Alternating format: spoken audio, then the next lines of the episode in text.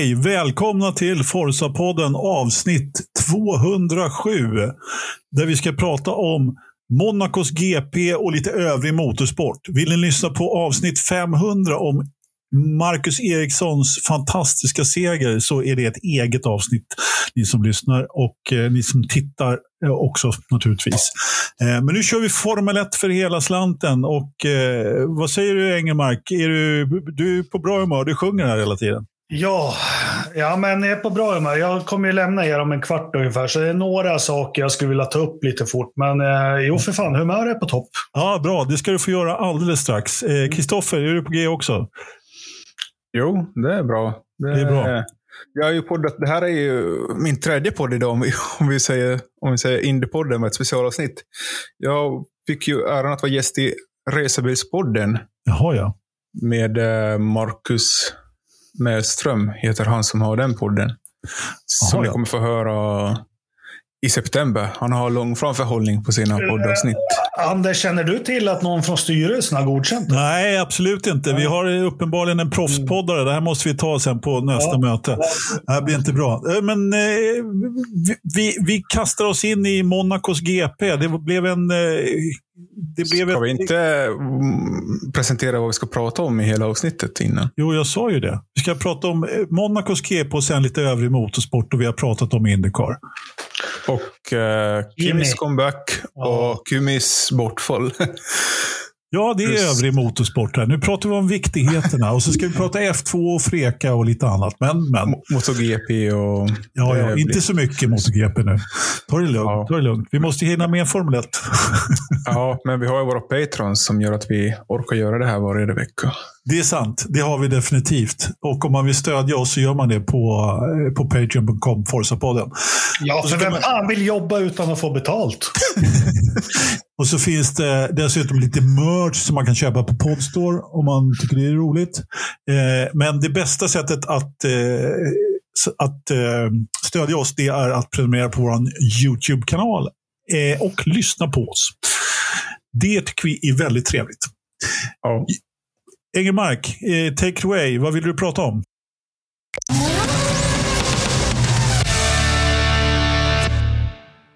Ja, men det är två saker. Eh, jag punktar upp dem direkt. Det, bilarna är för stora. Vi fick ett bra Monacos Grand Prix egentligen med, som jag säger, många komponenter som kan driva det.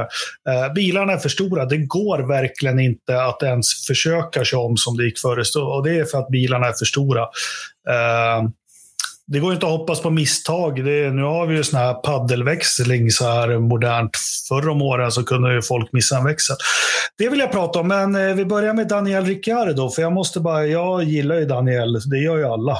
Det finns väl ingen som tycker illa om Ricciardo, mm. men nu är fan gränsen nådd och det här, åh vad man tycker synd om honom och hej och hå. Men han är en professionell racerförare som inte lärt sig köra den här bilen på 18 månader. Då ska man bort. Det är inget synd om honom. Det är, mm. hans, det är hans jävla jobb och skyldighet enligt kontraktet att komma underfull med hur han ska ta sig in i långsamma kurvor som Lando Norris gör med den där bilen. Och nu har det gått 18 månader. Jag vet inte någon mm. annan sport du kan underprestera i 18 månader och få vara kvar i startelvan eller första femman. Ja, eh, jag, jag, tror att han eh, köpte sig lite tid med den där segern eh, på Monza förra året. Men jag säger definitivt inte emot, mot dig. Jag, jag har långt tålamod, men mitt tålamod är också slut med Ricardo faktiskt. Och om jag får gissa lite grann, om jag kan hans, hans psyke lite grann, så tror jag att hans tålamod med sig själv börjar ta slut också. Vad säger du, Kristoffer? Ja, ni är ju inte de enda. Nu verkar det som Zac Browns tålamod verkar vara slut också. Han eh, har ju gått ut i flera tv-program och intervjuer och börjat säga att eh, liksom Ricciardo måste börja prestera nu. Det, det känns som att morötterna är slut. Att han, han har ju liksom lyft upp honom ändå och sagt att han kommer fixa det här. Men det känns ju som att han har svängt det nu. Att eh, nu måste han skärpa sig. Jo, men vad fan. Det var ju någon som tyckte Zac var elak där träffad som tyckte att det var dumt av honom att säga så. Ja, alltså, håller, är det bra för teamstämningen att kosta ut någon tillbaka? Ja, han har ju sponsorer och styrelse och andra investerare också som kanske betalar de här hundra miljonerna han har i lön eller något. Så på något vis så måste han väl kanske markera inte bara inåt. Jag, jag, tycker, det, jag tycker det är helt rätt. För, för det blir inte trovärdigt om ja, men vi försöker hitta rätt med Daniel. Han jobbar hårt och hej och Det blir inte trovärdigt efter 18 månader. Nu måste man hitta en annan lösning. Ja, men han kanske har bytt spår, Zack. Eh, det var någon som sa det. Det var nog du, Kristoffer. Liksom lite omvänd psykologi. Och, eh, jag tror nog att eh, Zack, han är ju, den killen ska man inte underskatta. Liksom. Eh, och eh, han gör ju ingenting eh, oöverlagt på något sätt. utan eh, han, har upptäckt att äh, men det har inte funkat på det här sättet, det måste jag göra på något annat sätt. Eh, och så kan det ju vara så att han har bestämt sig för att nej, men vi måste göra, en, göra om det här. Det här funkar inte med, med bara en förare som presterar. För att, och det, det, skulle, det var ju, skulle ju vara lite skillnad kanske om han, han var... Alltså det här är hans favoritbana och han är inte ens i närheten av Lando. Liksom. Nej. Det är en av favoritbanorna lite grann. Sådär, så. Ja, nej men det... Jag vet inte. Och Ricardo verkar inte veta själv heller. Det, ingen vet någonting. Det känns som bara, äh, kom till jobbet bara så gör du vad du kan. Och så, ja. Ja. Eh, ja. ja. och jag menar, jag vet inte. Alltså Norris är ju en stjärna utan dess like dessutom. Han gör ju det där riktigt, riktigt bra. Men det är ju faktiskt svårt att bedöma hur bra Norris är. Jag, jag har ju alltid hyllat Norris väldigt mycket. Mm. Men eh, alltså, hur bra är Norris när han inte har fått det här motståndet egentligen. Utav, eh... vi, vi, ska man hålla på, det är alltid vådligt att gå framåt och, och bakåt. Stå, men han och Sainz var ju väldigt jämna. Ja, det var också det jag tänkte på. Mm, och Sainz får ju pisk av Leclerc. Jag kom på att jag glömde jag på mig min Marcus Eriksson-keps när vi körde in det avsnittet. Förlåt om jag tog på mig den. Ja. Uh, nej, men Lando gör det ju bra, helt klart. Men de måste ju ha, alltså McLaren behöver ju en förare som presterar på hans nivå, som de hade med Carlos Sainz och uh, Lando Norris. Det är enda chansen för dem att ta, ta steg och jag tror lite kräftgången inför den här säsongen beror nog mycket på, på att Ricciardo inte kan köra bil. Eller inte lär sig att köra den här bilen. Nej, men, ja. ja men jag, jag, jag får omvärdera Liksom, folk säger han kanske, jo han körde brons och glad i Renault egentligen. Ja, ja man kanske får omvärdera lite, det lite grann också nu. Eh, så är det ju. Men eh, det var ju inte, ja. Ja, men spöa spö Hulkenberg lite så, ja. ja. ja, men, äh, ja. Han har ju haft lite flöjt med podiumplatser och sånt. Och mm. Jag tror inte Ricardo har blivit en sämre racerförare bara att han, sen han bytte till McLaren. Det är nog känns som att stallet kanske fortsätter att bygga runt eh, Lando Norris, eh, Ricciardo. Eller vad tror ni? Finns det sådana? För det är ju alltid det här i F1 att det är ju alltid ena föraren som får bättre förutsättningar på något sätt. Det är alltid så i alla stall. Det känns lite så i alla fall. Man har ju sett det alla år. Liksom. Jag vill inte, jag vill inte det, det, är säkert så, jag vill inte tro det, men hans problem är ju, det är ju lätt att se nu efter ett och ett halvt år. Och det var en mardröm i Monaco förra året. Han har ju problem när det går långsamt han har tydligen problem att sakta in och rulla in bilen i långsamma kurvor. Liksom, mm. På bromsarna och allting. Och, och, och, det är jättetragiskt, men samtidigt, det, är det här puttinuttandet jag är ute efter, alltså han, betal, han tjänar multum. Han ska vara en av de bästa i världen. Han ska komma under full med det här, inte på ett och ett halvt år, utan på två, tre lopp. Mm. Nej, men, det, det kravet måste man som arbetsgivare kunna ställa på honom. Nej, men det, det, alltså, det är ju intressant där också att eh, du säger att det, det liksom tickar över. Det, det, är ju ofta så att det rullar över mot den ena föraren, men det gör ju det av en anledning också i vissa stall. Därför jag tror mm. alltså att det är långt ifrån att man har försökt att bygga någonting runt Landon Norris. Nu är han den som är kvar, men det är som du sa Engelmark också. Jag menar, titta när Sainz var där. Vilket, vilket team de var egentligen. De var inte bara det att de blev liksom Eh, Eh, liksom Bill och Bull och Knoll och Tott, liksom, utan de var ju verkligen så bra tillsammans eh, i, och lyfte det där stallet verkligen. Och nu då eh, så har de bara en förare som lyfter stallet och de, de, de, behöver en till för att, för att göra det riktigt bra. Så är det. Sen, sen har vi ett, ett stall med väldigt, väldigt mycket resurser där det inte ska behöva liksom, ramla över åt ett håll. Visst, det gör det i, eh, i, i andra, det är gjort i Red Bull också, men där snor ju Verstappen all luft på ett annat sätt. Ferrari, ja, inte riktigt nu va. Men eh, även om det Science inte riktigt är där. Men... Ja. men med, med tanke på det du sa, att Lando, jag tror det var bra för Lando att han inte kör med Carlos längre. Och, tror jag med. Och Science, det är inte så jävla gulligt att vara smooth operator och send it, send it. Nej, men alltså, han är också en helt annan position där. Det var ju jättecharmigt att se, men det är inte så smooth operator och send it nu liksom och, och klackarna i taket. Nej. Så, så, så Lando är väl den som har klarat sig mest helskillnad. Ja, men det är ju hojtanken. Liksom. Jo. Eh, har du inte mer flyt så får du motflyt automatiskt F1. Det är ju lite så. Ja, att, men eh, lite så. Vi har ju en kille till som har ganska ordentligt motflyt. Eh, alltså, som, som inte Vettel. Vad sa du? Nej, vem då? Nej, men Gasly har ju inte riktigt levererat eh, överhuvudtaget heller i år. Äh, jävla dagslända.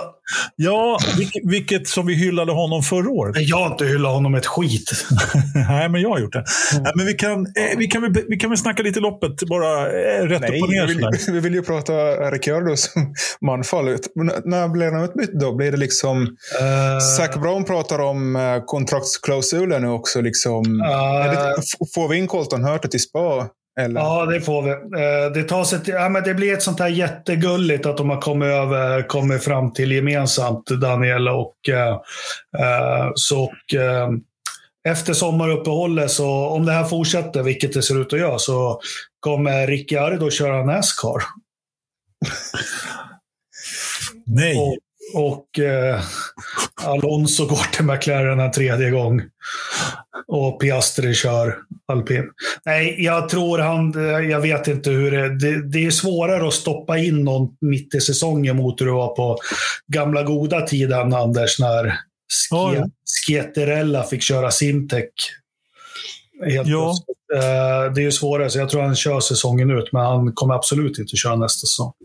Nej, men jag tror inte heller han kör nästa säsong faktiskt. Eh, inte som det ser ut nu. Det ska, det ska hända väldigt mycket. Han behöver nog vinna, vinna på Monza igen om han ska vara kvar, eh, skulle jag säga. Vad Ja. tror du själv, Kristoffer? Ja, Nej, men jag sa ju det. Zac Brown verkar ju väldigt eh, intresserad av att få in uh, Colton Hurta med ett skojärn där. Han fått ju möjligheterna som finns med att få in eh, en bra amerikan i... De kommersiella tänker du på, ja. Precis. Ja, exakt. Sen vet jag inte racingmässigt om Colton Hurta är på samma nivå som F1-förarna har idag. Nej, det Det tror jag, jag. Jag tror inte det.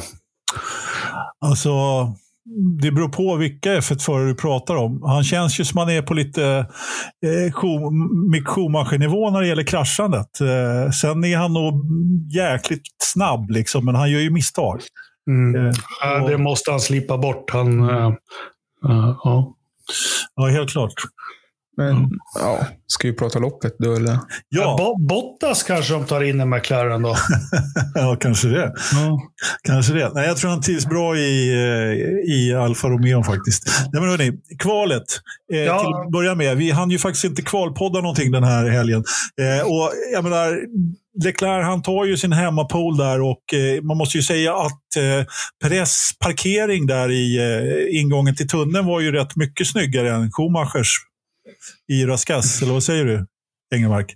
Ja, men tänkte ni på att de tre bilarna som smällde ihop där? Ja, det var, det var pallen sen. Det var uh, pallen sen. Eh, eh, ja, nej, men kvalet, vad, ja, vad hände egentligen? Men där på slutet så blev det ju... Många fick ju problem att få igång däcken och bromsarna. Det var ju det som var så... Det blev liksom mycket kallare där mot slutet av Q3. Eller vad hände? För det var ju inte bara Perez, det var ju Alonso också som körde rakt. Jo, men det. hörde du inte vad han sa? Jag satt och tittade på ratten, så jag missade bromspunkten, sa han. ju. Sa Alonso det? Ja, det men jag. känner det. Det var, det var lite då. Jag satt och kollade på ratten, så jag missade bromsa för sent. Vad fan har det hänt egentligen med Alonso? Så det hade han aldrig sagt för fem år sedan. Eh, Nej, men sen- s- snacka ner kvalet och loppen i, för nu ska jag ta hand om barn. Jaha, gör det du. Så, Dottern har somnat i soffan här. Jag måste upp med henne fort. ja, ja. Ja, han är sju- 17 år. Nej, jag skojar. uh, uh, veckans Verstappen, Ricciardo. Det är 15,3 i väderförrådet. Hej på Hur er! mycket i väderförrådet sa du? Fem- 15,3. 15,3. Ja, bra, bra. Härligt, härligt. Jag måste skriva. Eh, och ni svarar, ni svarar på frågor i YouTube om man är inne och kollar, eller? Ja, vi svarar Ja, alltid ja, på frågor. ut. Alla utom är någon som heter Engelmark som brukar ställa mycket konstiga frågor. Okej. Hej på er! Hej! ja, då är det bara du och jag kvar då, Kristoffer. Ja, det Eh. roligt att ha samlat. Ja, ja, men eller hur. Eller hur? Vi, vi måste väl säga att Ridderstolpe kikar middag ännu. För var Just inte det. oroliga. Bra att du sa det. det. Jag missade introt. Det blev, så, det blev lite, vad ska man säga, eh, lite zigzag och hackigt här eftersom eh, Engelmark skulle sticka. Och, ja, jag ska inte skylla på något, men vi glömde bort eh, Ridderstolpe. Eller vi glömde absolut inte bort Ridderstolpe, men han, han har fortfarande inte checkat klart faktiskt. Eh, vi, vi hoppas att han har gjort det till nästa måndag. Ja. Det, var, det var ingen dålig middag om vi säger så. Ja, nej. Två veckors middag, det skulle vara något. Ja, men eller hur? Eller hur? Eh, behöver vi prata mer om kvalet? Du pratade om att det var svårt att, med uppvärmning och Mercedesbilarna behövde två uppvärmningsvarv och vad det var för någonting. Men det var uppenbarligen så att man hade lite problem att få rätt eh, temperatur i däcken. Ja, Och men det, det blir ju lite antiklimax där i Ja. slutet av Q3 när vi, när vi fick den här. Ja. För det var ju många som var på bättre varv, men Så när det det. kom rödflaggen så fick de aldrig, aldrig ta målgång. Men Leclerc hade ju det här som en liten ask. Han var ju helt klart. Han var snabbast. Så, Ja. så enkelt var det. Och han, Eh, och han skulle ju vinna. Det fanns ju inget annat. Och, liksom, den andliga vinnaren över det här GP var ju Leclerc. Ja, jo, men så är det ju definitivt. Nej, men, eh, alltså, noterbart egentligen från kvalet är ju då att Max inte kvalar bättre än fyra. Han hade ett bättre på varv, men Monaco är ju ändå Monaco som vi brukar säga. Och eh, eh, Perez då eh, lyckas ju då klämma sig före då med sin, sin fina parkering där. Och, och, och så det blir, blir en, eh, en, en Ferrari första rad. Liksom. Det tror jag inte de var helt missnöjda med faktiskt. Eh, sen måste man ju väl ändå lyfta fram Alonso då, som ändå gör ett väldigt bra kval. Då. Eh, sjua då. Russell som slår Hamilton igen. Vettel som i princip utklassar eh, Stroll igen. Eh, får man väl ändå säga. Och så har vi väl kanske lilla missräkningen då att Bottas inte... Vad vad- vad var det med Alfa Romeo den här helgen egentligen? Hade de inte fart? Ja, det fattades bra fart. Många hade ju pratat upp dem med att de hade den lättaste bilen och kortaste bilen. och Den skulle gå jättebra Mm. på Monacos gator, men eh, mm, någonting var det där som inte funkar ändå. Nej, Ja. Jag hörde faktiskt aldrig riktigt något mera än att det var bara så här. Ja. Det är som det är som det är. Mm. Och sen då? Men- Ja. Jag tycker Haas såg jättebra ut, men sen föll de ju totalt i kvalet. Ja, de gjorde ju det. De såg ut inledningsvis men det har ju sett ut så här ungefär ett par gånger tidigare också. Att de har ha- sett ut som att de har haft lite bättre fart än vad de har. Och de har nog kanske bättre racefart också, men ja, nu gick det ju som det gick i loppet då. då men, eh, mm. alltså, Ja, och, och, och, det måste vi ju nämna i, i kvalet. Det var ju många där. Det blev ju kö i slutet. Det var ju någon, något som hände så det blev en omstart. ja. Och där var det just Gasly som du sparkade på lite här tidigare. Han var ju den första i den kön som just när de kommer över målflagg och ska påbörja sitt sista försök så, så fick så går tiden de... ut.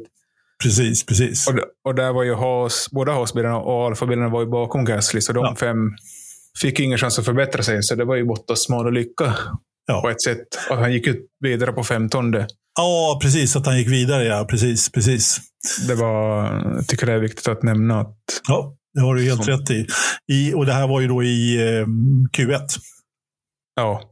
Det var någon, vad var det som hände som gjorde att... Mm, jag kommer inte ihåg. Det har varit så mycket motorsport efter det. Ja, var det Sunodas rödflagg när han touchade i barriären? Det måste det Ja, det kan det vara. Som, Det har du rätt i. Precis, precis. Det stämmer. Det stämmer. Alltså, det, var den, det kan vara den larvigaste rödflaggen jag har sett i mannaminne faktiskt. Jag kan inte påminna mig. Alltså för, och dessutom produktionen då som inte hinner med. Som, som liksom, ja, det tar ju liksom fem minuter innan de eh, hittade prisen där på Synoda och varför det har blivit eh, liksom, rödflagg överhuvudtaget. Ja, det var ju under all kritik. ja, men jag tror jag hörde någonstans att om någon lägger ut en röd flagga bara på misstag så måste de följa det för att det liksom... Såklart. Sviktar. Jo, men så är det ju. Men Ja. jag tror inte att det var, var av misstag i och för sig. Då, då. Eh, Kanske han trodde att den skulle precis. fastna då där. Ja, Och de såg att det var snabba bilar på kommande. Ja. men de var lite väl kvicka ut med den där faktiskt. Han Ja. röck väl till där, Witters. Ja. Det, här, det var ju inte han i helgen. Det var ju Alltså, var det Motara? Eduardo, inte Mortara. Vi har döpt om honom här i podden. Ja, jo. Ja, men precis. Eduardo i alla Ja. fall. Ja, ja, det blir bra. men ska vi ta starten då? Eller? Ja. blev det någon start eller vad, vad hände? Anders? Ja någon, ja, någon start blev det i alla fall överhuvudtaget. Eh, eh, har jag för mig att det blev i alla fall. Nej, Det det, det, fast det blev ganska sent eh, en start kan man väl ändå säga. Ja, du, tänkte på, du tänkte på formationsvarvet. Ja, men det var ju också en, en hel... Eh, alltså uppbyggnaden till själva loppet där med eh, eh, med starten där som först, alltså, och, och, liksom dagarna innan så skulle det bli regn på söndagen, det skulle bli regn på söndagen, det skulle bli regn på söndagen och sen så kom det på söndagen och då, blev det, då skulle det absolut inte bli något regn. Alla väderprognoser visade torrt. Det var torrt på eh, GP2, eh, höll jag på att säga, jag menar F2 och det var torrt på Freka Och, som eh, körde. Så att eh, det var och så precis fem minuter innan Formel 1 ska börja så börjar det droppa. Och rätt Ja. vad det var så, så lyfts det fram intermediates för fulla muggar. Och så går det en liten stund till och så säger de att äh, men det här blir formationsvarv under safety car och wet conditions och då måste man sätta på wets. Och då, Ja. förläng, och då och fördröjde de starten. Och då var jag rätt säker på att äh, men då gav de stallen lite extra tid. Men det gjorde de inte alls. Men var det inte... Jag uppfattade det som att alla stall hade inte hunnit eh, få fram fullvetsen till griden. Det var därför de inte kunde starta, eftersom de var tvungna att starta på fullvets. Ja. Och alla stall hade inte med sig dem till griden. Det var så jag också uppfattade det hela och det var därför de sköt fram eh, formationsstarten till först 15.09 och sen 15.16 tror jag. Ja. Eh, men det var ju inte hela sanningen visade det sig. Nej, sen kom det ju ut att eh, liksom eh, Fias officiella statement här att när man först förlängde starten med nio minuter så sa Fia att eh, race control så just märkte den här skyfallet som skulle komma och det kom in med en väldigt snabb hastighet. Och eftersom det kom under startproceduren så eh, liksom implementerade man safety car en safety car start då och dess, vad som ingår där.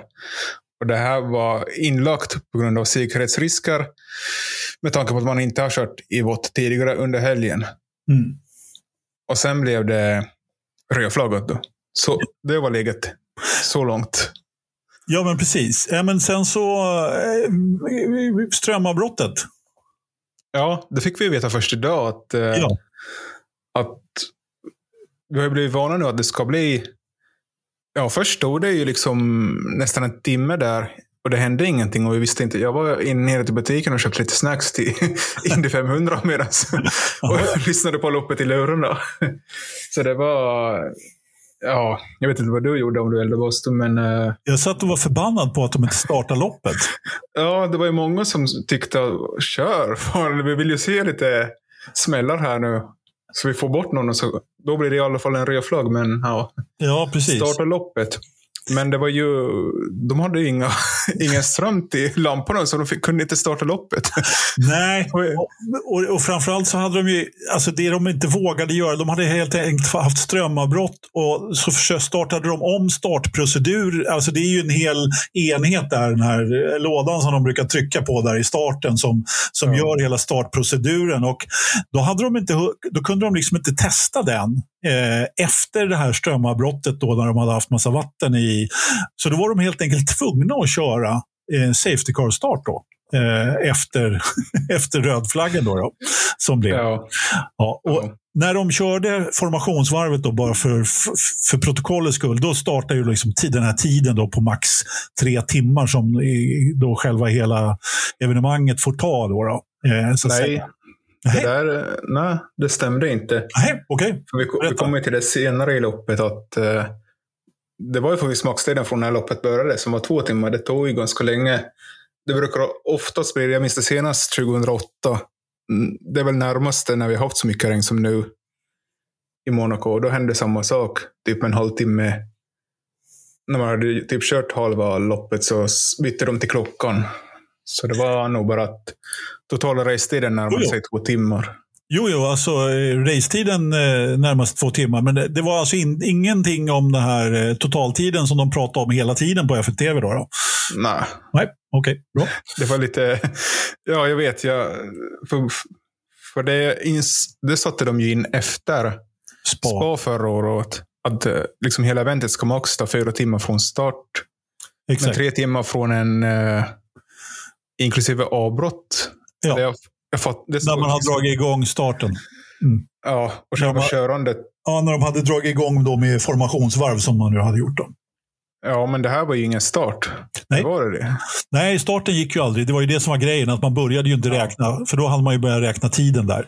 Utan det var ju bara formationsvarv, annars så, så i och med att de inte gick över mållinjen en gång till. Så att, eh, ja. Normalt sett annars så när de började köra rekognoseringsvarv så hade de, hade de fortsatt ett varv till så hade de börjat räkna ner på varven, då, då som jag uppfattar ja. i alla fall. Jo, så är det. Mm. Precis, precis. Men, men kom... ja, förlåt. Och vi kom ju upp över, var det 75 procent man måste köra? Eller? Ja, just det. Mm, precis, för att dela ut eh, fulla poäng. Fulla poäng, ja. ja. Så att inte, så att inte å, återigen lex spa förra året. Då. Ja, exakt. Och de kom ju över det i slutet där. Mm. Så, men ja, ska vi ta lite vad som hände i själva loppet då? Ja, eh, jag vet inte, jag kommer inte ihåg så mycket. som sagt, det, det har liksom bleknat lite grann där. Men, men några saker, vi behöver väl inte dra alla varven direkt. För då, då tröttnar våra... Vi har en ny tittare här ser jag i, idag också. Eh, välkommen eh, Christian. Kul att du tittar för en gångs skull. Det är flera ja. andra som tittar också. Men, men nya tittare får alltid en egen välkomstsalva. Hoppas vi. Ja, Ska, men liksom loppet börjar. Det är ganska stela start. Inga eh, riktigt omkörningar och båda kanadensarna kör i väggen. Det är liksom... ja, båda två är liksom... Det var någon som skrev där i racetråden också på ja. Forza Motorsport att, eh, att det skulle bli tre rödflaggor. Latifi en och Stroll en. Och det, det, de fixar ju varsin, i, i, inga rödflaggor då, men varsin in i, i, i, eh, i muren då innan, innan själva starten. Då. Men eh, de lyckades ju få bort dem där ganska snabbt. Då, då. Eller få, ja. få dem på rull igen, så att säga. Ja. Ja, men det... Ja, vad hände riktigt? Det blev ju lite väntande för det kom ju inte så mycket mera regn. Nej, det gjorde ju inte det, utan det blev ju en stint på, på full wets då, tills eh, några vågade gå in och byta till eh, intermediates. Och eh, den första som gjorde det var väl, alltså, Fettel var ju tidig, men ja, det var väl Gasly, som Redan var först. på var fyra. Ja. ja, precis, precis. Och sen började ganska många ploppa in efter det. Ja, de såg ju att han gjorde, att han gjorde riktigt bra tider där. Han fastnade väl bakom någon, men sen så fick han ju en lucka då, då och eh, då körde han ju kapp åtta sekunder bara på ett par varv där. Och eh, det var ju sen det stora, det stora eh, strategispelet började, höll jag på att säga. Ja. Det, var, det var då det började egentligen. På vilket varv var det då som... Vi hade ju Leclerc i ledningen och Sainz skuggande bakom och eh, sen de båda Red Bull-bilarna. Och, eh, den som gick på först var ju då eh, Sainz egentligen då, som gick in för ja, inte press. Eh, ja, press, förlåt. Eh, som egentligen... Ja. Och det, det, var ju en klassisk Red Bull egentligen där. Jag menar, en, de, undercut, visst. Ja, precis. tidigare. Ja, exakt. Och, och, jag, och just det här att när de såg att någonting kunde hända. De var ju tvungna liksom eftersom det här är ju Monaco. Det är ingen som kommer att eh, kommer att eh, kunna köra om någonting om vi inte gör någonting nu. Och nu är det rätt läge. Och jag, jag kan för mitt liv inte förstå varför man inte tog in eh, Leclerc. Antingen på det varvet. Det är klart, är man i ledningen så vill man ju alltid säkra upp. Men på nästa varv. Eh, har du något svar på det? Ja, jag hörde det. Orsaken det var Science, de ville ta in Science, men Science började strida emot. Mm. Och under den här processen när de ville, så då skulle de ha tagit in Leclerc. Men han hade, han hade kört om depåinfarten redan. Så det var därför det misslyckades. För att eh, de, de, ja, liksom, också- för, de satt, och- för de satt och förhandlade med Science och samtidigt inte kan säga åt att ta in Leclerc då istället. Nej, men det var ju det som var grejen. Jag menar, de skulle aldrig Ja. ha tänkt på att ta in Sainz överhuvudtaget. De skulle Ja. ta in, tagit in Leclerc direkt. De spelade med fel gubbe. Det, det var ju liksom... Ja, men ändå. Det är en förklaring till varför det inte blev som det blev. Och, och jag, menar, jag förstår också Sainz definitivt, för han såg ju vartåt det barkade då. Eh, men hade man tagit in Leclerc där på varvet efter med, med intermediates så hade han ju liksom kört... Då hade det ju varit ett helt annat lopp. Liksom. Ja. Jag, jag hängde faktiskt inte med i vad som hände där. Jag försökte hänga med, men det var... Ja, det var rörigt. Det var, det var, det var, mycket, det var mycket som hände samtidigt. Och, och, och förstås TV-produktionen som många har klagat på. Ja, här måste jag hålla med. Det var massor som gjorde depåstopp och man såg inget depåstopp i rutan. Nej, såg, åtminstone såg inte jag Förstappens depåstopp till exempel. Så, Nej, bland annat. eh, så det, var liksom- väldigt mycket. mycket och det är ju då Automobilklubb de Monaco liksom, eh, som, som håller den här sändningen. Och, eh, Ja. Normalt sett så tycker jag väl ändå att de brukar sköta sig hyfsat bra i och med att det inte är så mycket bilder på, på, Christ, på Hornes fötter och Toto i, på, på, när han slår näven i bordet och sånt där. Men äh, de missade väldigt mycket faktiskt, det måste jag säga. ja. Och då var det ju det här när de äntligen fick in Science då. Så kommer Leclerc också in på samma varv. Och det var ju samma, då hade de sagt liksom för sent att han, först att han skulle komma in. Men sen så sa de att nej, fortsätt, fortsätt. Men då hade han hunnit svänga in redan. Och då fick man ju höra en liksom 50 svordom från Leclerc. Ja, det var ju eh, liksom det som slutligen satte spiken i kistan för hans Monacos GP liksom vinstchanser eller åtminstone pa pallchanser överhuvudtaget. Liksom, Ja. man tar in honom. Och det här radiomeddelandet, jag skrev det någonstans efteråt, att det, det sammanfattar Ferrari väldigt mycket. Just det här att man säger eh, Charles kom in i depå, kommer det, nej, nej, nej, nej, inte nu, ut, ut, ut, ut. Ja, men just den här Ja. liksom, man, man- blir så liksom eh, stressad i de här situationerna. Medan man hör den där typen av meddelanden från Red Bull så är, så är de liksom cool-lugna på ett helt annat sätt. De är nästan sävliga. Liksom. Ja, och jag fattar inte det här. Liksom Science fick på sig torrdäck och de sätter på intermediates på Leclerc också. Ja, dessutom. ännu märkligt. liksom, vad Alltså, var det kan om då? Ja, kan man inte ens ta ett snabbt beslut? Jag menar, ska Sainz ha torrdäck så ska väl Leclerc också ha torrdäck. Liksom. Ja, det var ju jättemärkligt. Sen så hade ju Science ganska bra chans att vinna det här, för han var ju ändå andra. Men hans problem var ju att han kom, Latifi råkade komma ut strax utanför honom, ut ur depån. Och han skulle få blå flagg, men det tog ju ända ner till, till tunnel där innan Latifi släppte om honom. Så det var där Science tappade sin segerchans. Ja, annars så hade ju han definitivt, för där var ju då Red Bull väldigt snabba att ta in sina bilar och, och få, eh, få hårda på dem också. När de märkte vart det barkade. Sen är ju det, det, depåinfarten är ju väldigt speciell där i Monaco. Så att, jag vet inte vad det tar i sekunder, men eh, den är ganska kort då. Och en kortare Ja. väg än vad själva racerbanan är. Så det, det är trots allt, även fast det är begränsad fart, ännu lägre fart i depån än i vanliga Formel 1-depåer, så, så tar stoppet inte riktigt lika lång tid som det brukar göra faktiskt. Så att, eh, så de hann ju få ut båda två där på, eller åtminstone Sainz då, för, nu säger jag Sainz istället för press. Press före, eh, före Sainz där istället. Då. Ja, sen Ja. var det ju som det var. Liksom. Ja. Sen så... Ja, så, då var ordningen Perez, Sainz, Verstappen, Leclerc. Ja, precis. Och, de, och Perez, de dubbelstoppade Red Bullarna och det gick ju... Det var ju inga problem där. Nej, de var ju lite smarta, men de visste ju också om Ja. att de skulle göra det. Så eh, då, då saktade han farten lite grann där. Ja, exakt. Så... Ja. När Leclerc var på väg in så hade de ju liksom ingen koll på det. Så, att, eh, så Leclerc, det var ju... ja. Ja. Mm. Och sen så eh, hände det inte så mycket vad jag minns, utan det, mitt i allt får vi se en halv hasbil. Ja, precis. Eh, och den såg ju, alltså, i, och det var ju också innan man hade sett kraschen. Ja, Så visade de en bild på två, två delar hasbil. Och, alltså, de här nya bilarna ska ju tydligen dela på sig på, på ett sätt som inte de gamla gjorde. Då. Eh, Mm. Det ser ändå väldigt spektakulärt ut när man ser den här eh, Bilderna ja. Ja, bilderna ja. Precis innan man har sett. För sen, sen såg man ju kraschen. Den såg ju inte riktigt lika illa ut. Och Nej. sen, sen klev han ju ur där och var helt okej okay, faktiskt. Så att, eh, Och det har väl att göra med Grosjeans krasch, att liksom växellådan inte ska vara nära föraren precis. ifall det börjar brinna och, Mm. och liksom någonting exploderar Ja. i värsta fall. Ja, men precis. Och, eh, ja, det där blir ju en dyr historia för oss. Eller vad säger du? Ja, jag såg lite siffror på vad de här reparationerna för Perez lilla snurr på kvalet var ju 750 000 dollar. Och det här var ju mycket större kross. Så ja, han får nog inga uppgraderingar han, någon gång i år om det ska fortsätta så här. Jag tyckte det Eller- pratades om, eh, senast han skrotades var det 10 miljoner dollar. Någonting i den där stilen. Va?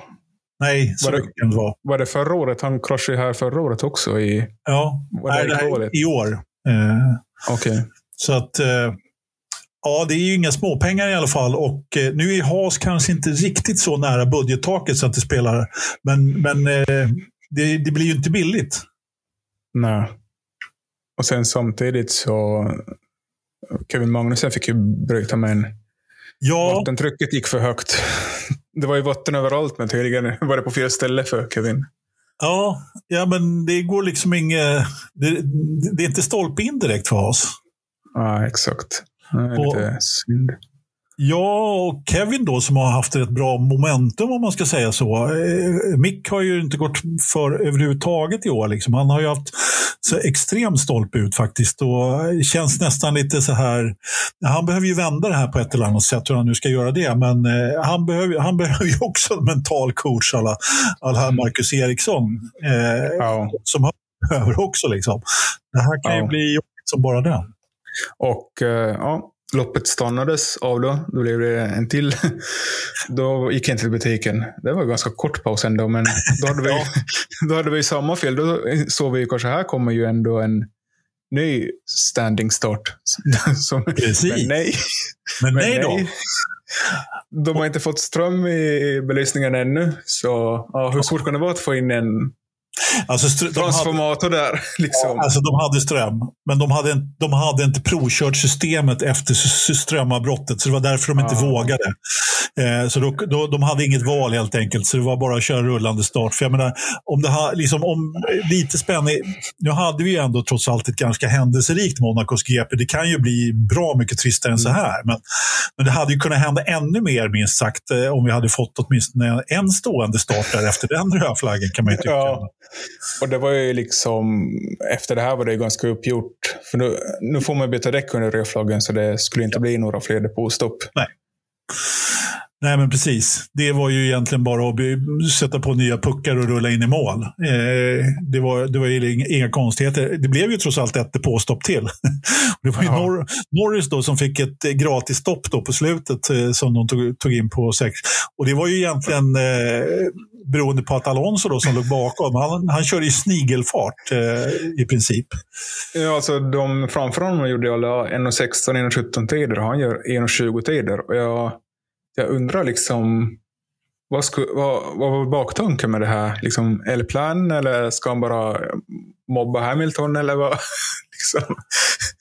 ja, men jag läste här i efterhand att han, det var hans sätt att ta hand om däcken ända till mål. Ja. Han, Ja, precis. Det, det var liksom det som var planen. Och ändå så fick han ju då order om att pusha lite sen då. Eh, jag vet inte, jag, det var någon som hade någon teori där mitt under loppet att det var så att eh, anledningen var att han skulle försöka trycka ner så att Ocon inte tappade tillräckligt mycket. Han hade ju en femsekundare där på sig så att, eh, så, att, så att han inte skulle tappa så mycket. Men jag vet inte hur de hade tänkt där om jag ska vara helt ärlig. Men, ja, eller om man ville få ner liksom så att ledaren skulle komma ifatt ja, precis. precis. Ja. klungan. Det är mycket Av någon märkligt var det, märk- för sen satte han ju faktiskt fart där på slutet. Ja, då. liksom, för att då såg han att däcken skulle hålla ända till mål. Ja. ja, men precis. Men liksom, kunde, han, kunde de inte kolla det före? Att de satte på däck som skulle hålla med normal pace? Det var mycket märkligt. Hela... Ja, det, kän, det är någonting som inte stämmer där. För jag menar, han hade ju ändå kunnat köra ett par sekunder snabbare. Eh, definitivt. Ja, det här var ju liksom löjligt när man ser liksom luckan droppa med tre sekunder per var. Han kan, han, trodde... det, det kanske är som du säger, han kanske vill retas med Lewis. som, ja. som låg bakom. Då. Ja, men Lewis i i sig är ju lite... Jag vet inte, det var ju också en märklig incident där på varv 20. När Hamilton försöker köra om Ocon. Ja, men lyckas inte, så får Ocon fem sekunder. Mm. Mm, precis, jag skulle precis komma till det och fråga vad du tyckte. Vad, vad, tyckte vad, vad, tyckte du om det? För det var ju, jag uppfattar också så att, att Hamilton kör på Ocon, Ocon får straffet. Och det var precis vad Ocon sa i, i radion också.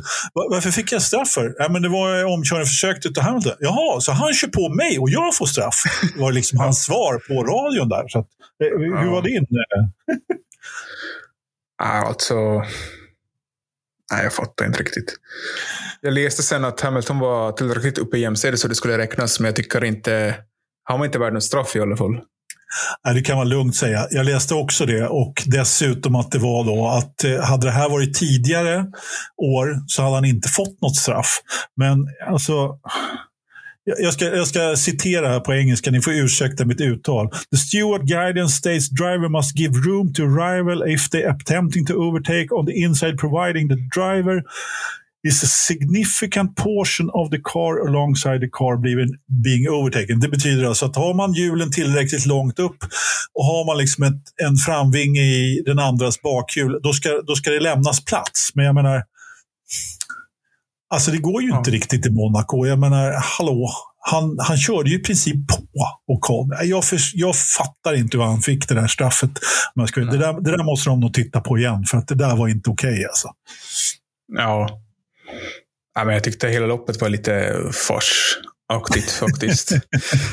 det var både liksom strömavbrottet, liksom mm. Ferrari med sina superstrateger mm. och den här missen med att Ocon fick ett straff. Det var som för mycket. Så det liksom följer kvaliteten på loppet när det blir så mycket så här pajatsfasoner. Ja, nej, men, eh, jag håller med helt och hållet och dessutom kassproduktion. Då, då. Eh, det var väl i och för sig lite mer beredda på då kanske. Men har, ja. har, vi, har du något mer från loppet sådär som du vill? Eh, no, det är den här fjärde, fjärde grejen som vi inte har pratat om ännu. Att när, när båda Red Bullarna kommer ut ur depån så kör de på gula linjen. Tycker ja, okay. Ferrari. Och de tog ju upp det och kollade på det. Mm. För och Perez, han höll sig innanför. Men Verstappen, han var med både, både vänster, fram och bak på gula linjen. Det. Och det här var för att det stod i, i liksom, Race Directorn gör alltid lite noteringar inför varje event, vad man ska kolla på inför varje lopp. Och det här var en grej då, att man får inte ens röra i linjen, hade han skrivit i sina mm. event notes. Men äh, grejen var att äh, Alltså det här, kan ni förstå det här? Det är ganska löjligt. De har ändrat den här regeln med gula linjen till i år. Så nu måste det vara över med hela hjulet. Lite som i fotboll eller hockey, att det är linjerna som gäller. Du ska vara helt över. Ja. Men Eduardo då, som är, det var hans andra gång han var race director, så han hade copy och pastat event notes från förra året. Okej. Okay. så, så liksom Ferrari gör en protest, inte vad som står i dokumenten de har fått. Men dokumenten är inte giltiga för att Eduardo har kört en mm. liten copy-paste. På föregående år och så har man ändrat till i år. Ja, det var ju också, ja. det var ju också värt en, en livslång förstappen. Eh, alltså, alltså, ja. Det här är ju också lite sjukt. Men sen, man ska också, alltså jag har den här eh, lite bestämda uppfattningen om att just den här linjen är ju också lite, det är lite annorlunda. Det här är ju inte en linje som när man gör track limits, så att säga. Är du över linjen mm. så, så, får du striden struken och är du över flera gånger får du svart, liksom, eh, får du, får du flaggen. Och så, utan den här är ju från bana till bana hur illa det egentligen är och just med tracknotesen. Precis det att man liksom, och det här tar man ju ofta upp på förarmötet innan eh, när man liksom talar om, kör du över den här så är det liksom då är det drive-through ungefär. Liksom. Och det var väl ja. det då som var, det var ju väldigt intressant att höra att han hade tagit copy-paste på förra året. ja, skulle du, alltså bring Michael Massey back. Det ja. här var ju liksom värre än eh, det här var nästan värre än Abu Dhabi, det här loppet. Liksom. Och FIA fick faktiskt kritik från F1. Mm. att eh, det var för mycket sådana här kontroversiella grejer som pågick Mm. faktiskt Ja, men, eh, under loppet. ja, men, ja, men eller hur? Eller hur? Men, Och, och det du- liksom skadar ju sporten också. Ja, det kan man lugnt säga. Det kan man lugnt säga gör. Vi, vi, vi måste väl ta ett par ord om eh, Monacos vara eller icke vara. Men jag tänkte vi tar loppet i mål eh, först. Jaha. Eh, Var vi inte i mål? Nej, vi var inte riktigt i mål. För jag skulle fråga om du ville lyfta upp någon annan förare som gjorde någonting bra. Eller eh, Ja. har du någon annan, liksom, någon, någon i fältet? att eh, Vi behöver inte gå igenom hela fältet. Men jag menar, eh, Russell tar en topp femma igen. Eh, Mr Consistent eh, istället för Mr Saturday nu. Eh, Lando Norris liksom, det rullar in på Ja. sjätte där. Också Mr Consistent får man ändå säga. Eh, Ja. Alonso ramlar in på sin sjunde där en, en minut efter eller någonting. Ja. Och, och eh, med Lewis Hamilton precis bakom. Det som jag tänker på är väl egentligen att Vettel gjorde ju sitt tidiga byte där och det gjorde ju egentligen att han försvann ifrån, han tog väl en pinne nu då i och med att Ocon hamnade, ramlade ner, men eh, han hade ju definitivt kunnat haft slagläge på fler poäng om, eh, om man inte hade varit så tidiga depån. Ja. Nej, men jag vet. För min del var det väl Bottas och Gasly som lyckades ta upp sig. Ja, Bo- Bottas tog sig upp på poäng och Gasly nästan på poäng, en ifrån. ja men precis. Resten så vet inte vad som hände så mycket. Albon avbröt ju också. Det var ju någonting som man inte... Fick man se det i bild eller? Ja, det fick man faktiskt göra. Eh, vad det var som gick sönder vet jag faktiskt inte. om det eh, och så vidare. Men han, eh, han ramlade ju till och med bakom Latifi där ett tag. Så att, eh, ja. Nå, nå, någonting var det definitivt. Nej, men eh, helt klart ett händelserikt Monacos GP och som åskådare var det väl ändå eh, lite trevligt att det inte bara blev eh, formationskörning, även om det var, eh, som sagt, även om vi har lite kritik mot loppet. Då, då. Eh, och eh, Monacos vara eller icke vara. Eh, vad säger du efter den här eh, helgen? Nej, men det är väl som jag sagt tidigare att eh, nu har ju F1 också en, eh, liksom en hake på Monaco att eh, de vill ju att de ska betala, det som, vi har sagt det här i många avsnitt, men de vill att de ska betala samma som alla andra gör. Plus att eh, Monaco har egna sponsorer. Det känns lite skumt när du F, F1s egna klocksponsor är Rolex. Men sen så står det Tag Heuer är eh, sponsor till Monacos Grand Prix. Hur tror du de känner sig då när man står där bredvid konkurrenten på väggarna? Jag vet inte om ni märker det när ni tittar, man jag, tänk, jag märkte det ganska lätt att ja, mitt i allt har vi tagit hoja här. Har vi bytt klockmärke mitt i allt på halva varvet? Kul att du säger det, för det var, det var nämligen min notering också. Och eh, Jag läste sen också dessutom att det är bland annat det som är själva stöttestenen. Och jag tror att det är därför, därför som man pratar väldigt mycket om det här Monaco. Därför att i och med att de har så många privilegier, så jag tror inte att Monacos GP är hotat egentligen. Nej. Eh, eftersom det är på något sätt det är lite juvelen i kronan, men det blir inga ro, roliga lopp.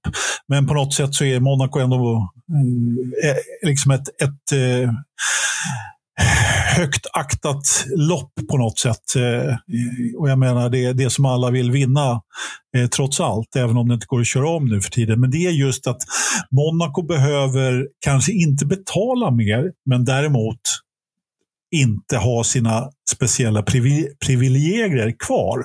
För det var precis just det här med Tag Heuer och Rolex då som var, som var själva grejen. Det går ju liksom inte. Det, det förstår ju vem som helst. Så att, eh, det kan nog bli så att vi får se den vanliga tv-produktionen och eh, kanske inte så många eh, med, med loppspecifika sponsorer eh, om det ska förnyas kontrakt, kontrakt här. Det, det var jag tror i alla fall. Ja, nej, men det är nog en, en taktik från F1 helt klart. Och, och den som skrev det här kontraktet, Michel Boeri, han gjorde ju det för tio år sedan med Bernie Ecclestone och de är ju i, samma ålder.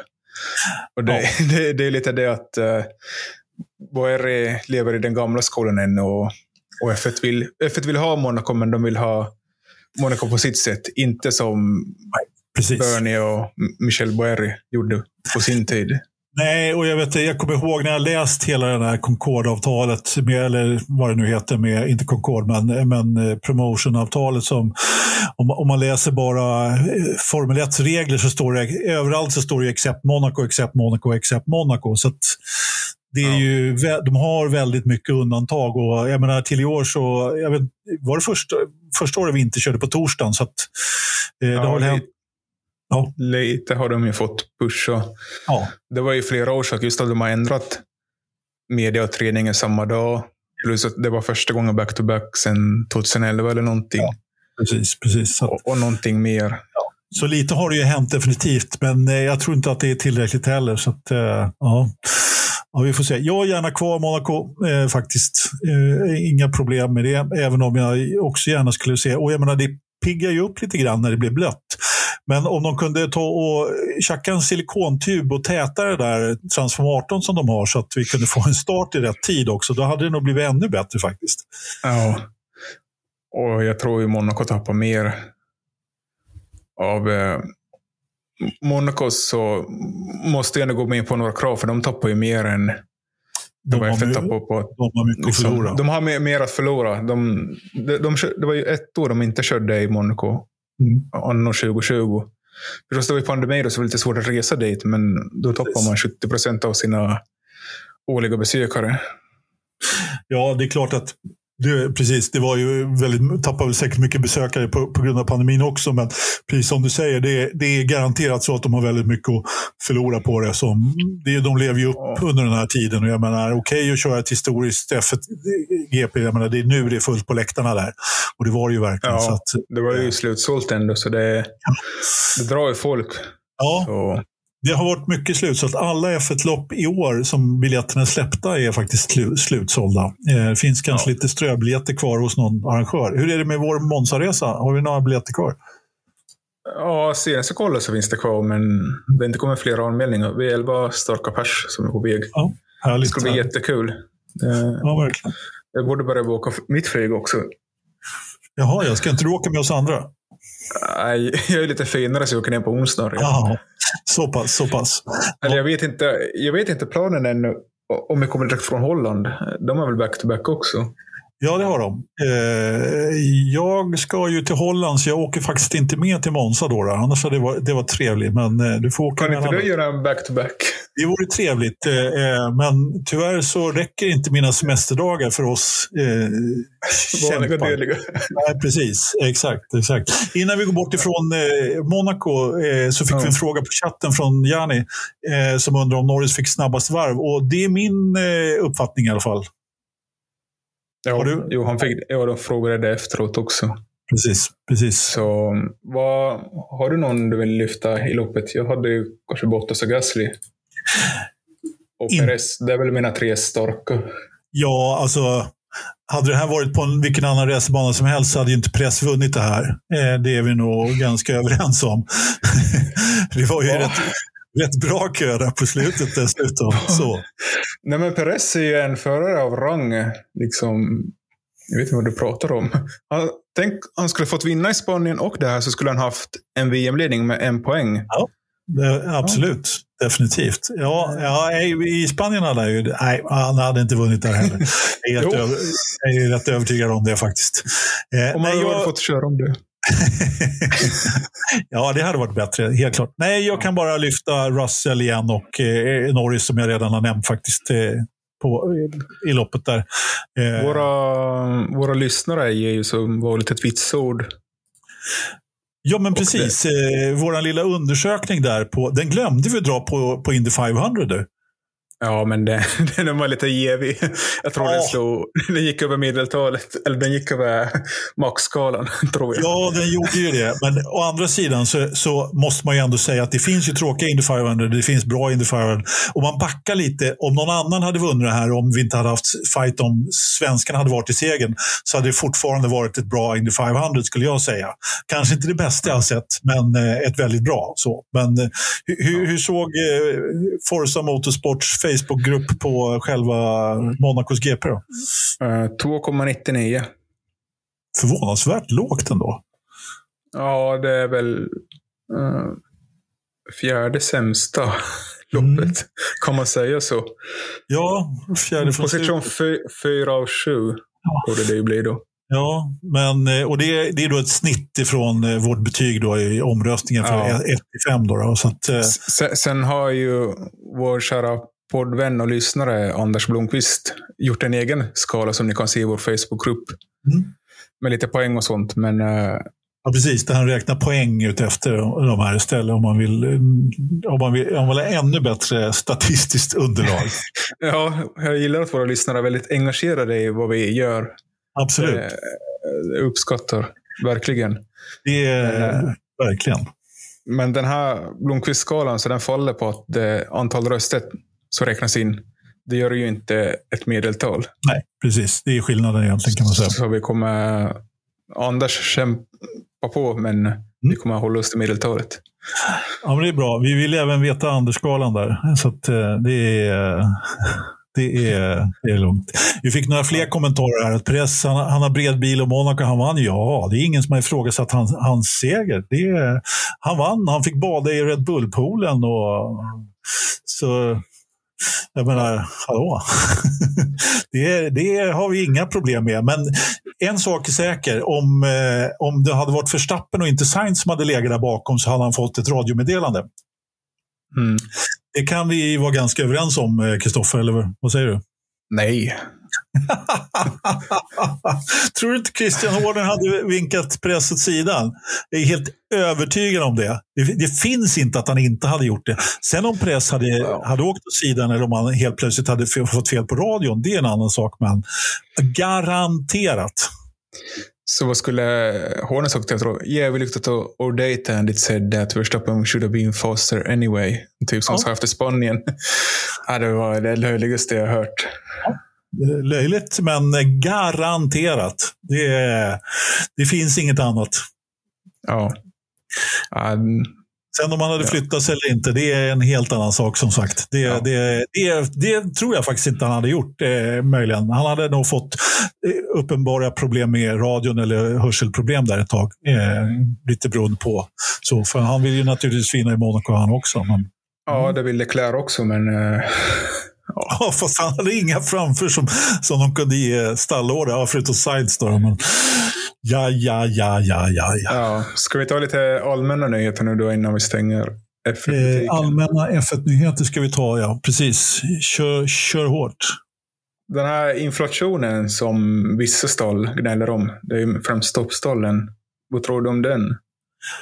Ja, vi ska vara glada att vi inte har, bor i Venezuela eller Turkiet, eh, säger jag då.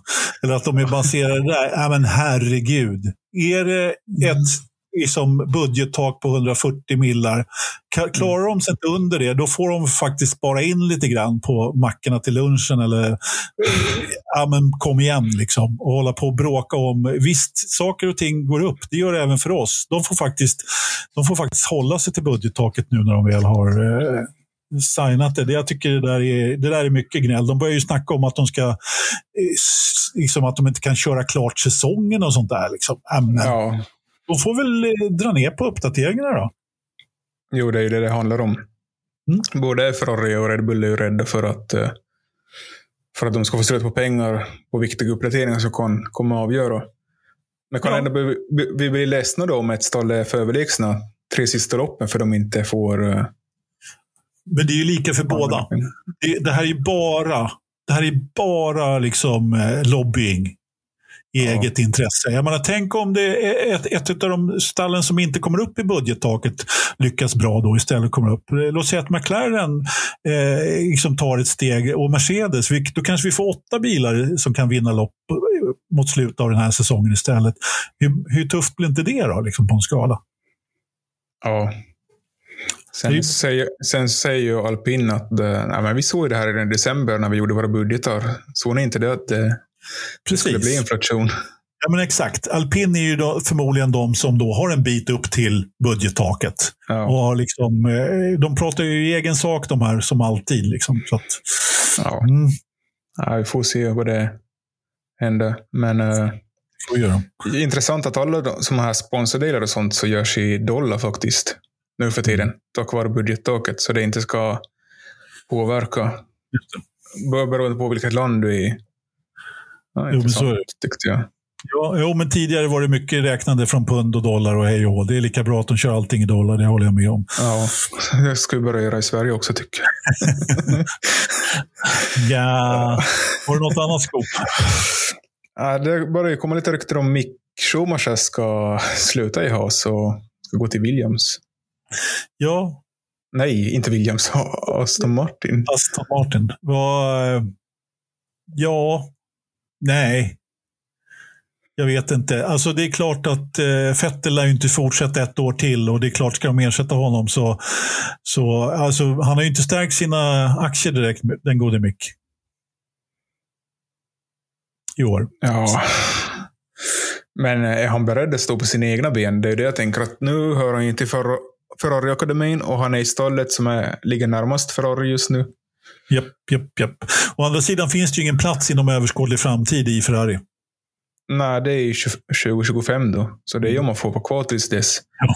Så det kan ju... Det är kanske därför folk ser möjligheten att eh, han ska ta över Vettels plats.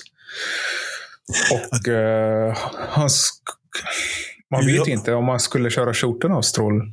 Eller? Alltså, nej, det är svårt att veta, men det, det ska... Ja, alltså Stroll har ju inte heller riktigt överpresterat eh, på sistone faktiskt, måste man ändå säga. Eh, jag skulle nog hellre se honom i Alfa, där vi trodde, många av oss, att han skulle ha hamnat eh, tidigare också. Då, då. Så att, eh, men nu sitter ju förmodligen Cho, han har ju faktiskt inte gjort bort sig jättemycket Cho, eh, måste man ändå säga. Eh, Mm. Jag vet inte, det är svårt att veta hur säkert han sitter. Om han sitter 350 miljoner säkert eller, eller hur, hur säkert han sitter. Liksom. Men, eh, jag, jag, jag skulle väldigt gärna se Show utbytt mot eh, Mick istället. Men mm, vi får väl se. Ja. Jag vet. Jag vet inte vad jag ska tro.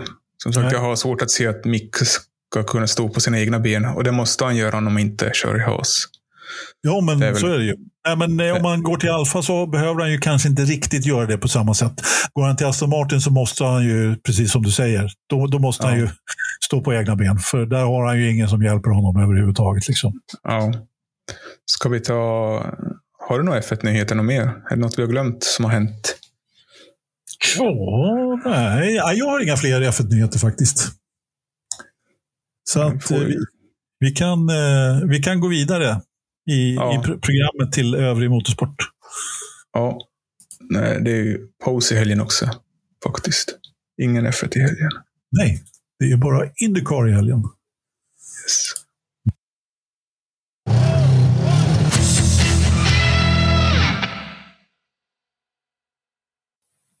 Ja, övrig motorsport. Då måste vi ju nästan börja med, vi har ju faktiskt en ganska stor svensk he- helg här då, med, med Indycar och eh, Marcus Seger då, som vi redan har pratat om i ett separat poddavsnitt för en stund sedan. Eh, men vi hade ju seger, svensk seger i Monaco också, Kristoffer. Ja, tänk att få höra det gamla De Freja i, i Monaco. Det är inte varje dag man får höra det. Nej, det är ju inte det.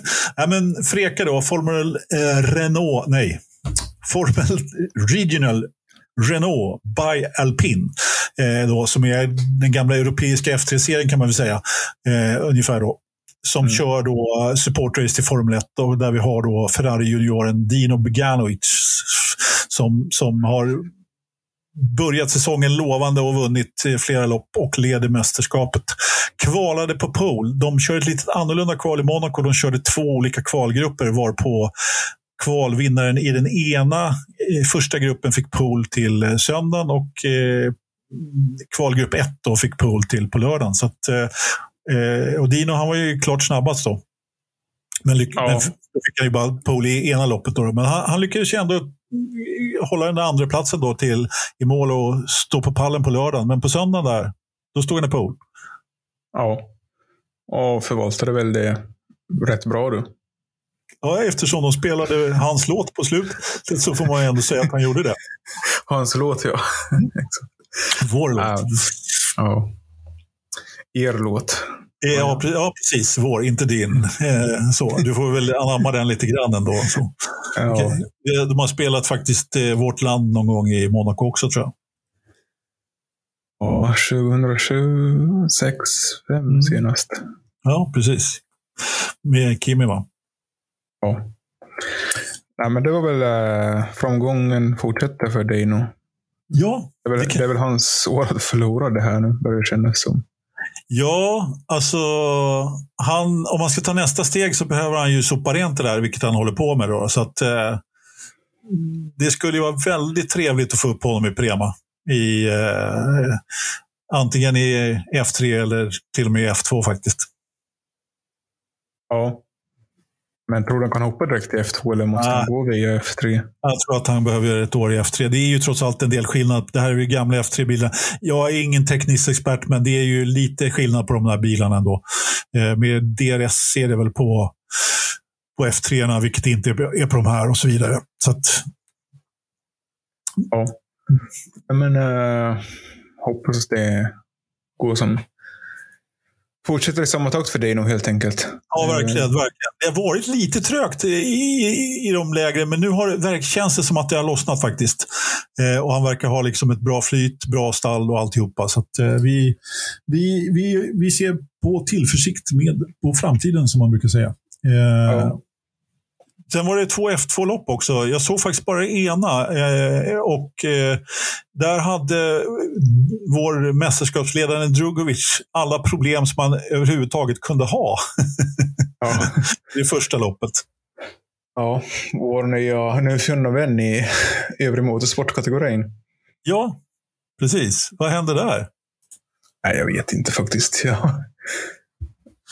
Nej, han hade, han hade massor med strul i alla fall. Vem var det som tog hem det? Var det inte Norrbaggen? Visst? Dennis Hauge, ja, precis. Som tog sin eh, första F2-seger. Ja, sprintlopp. Så det blir en liten asterix där på...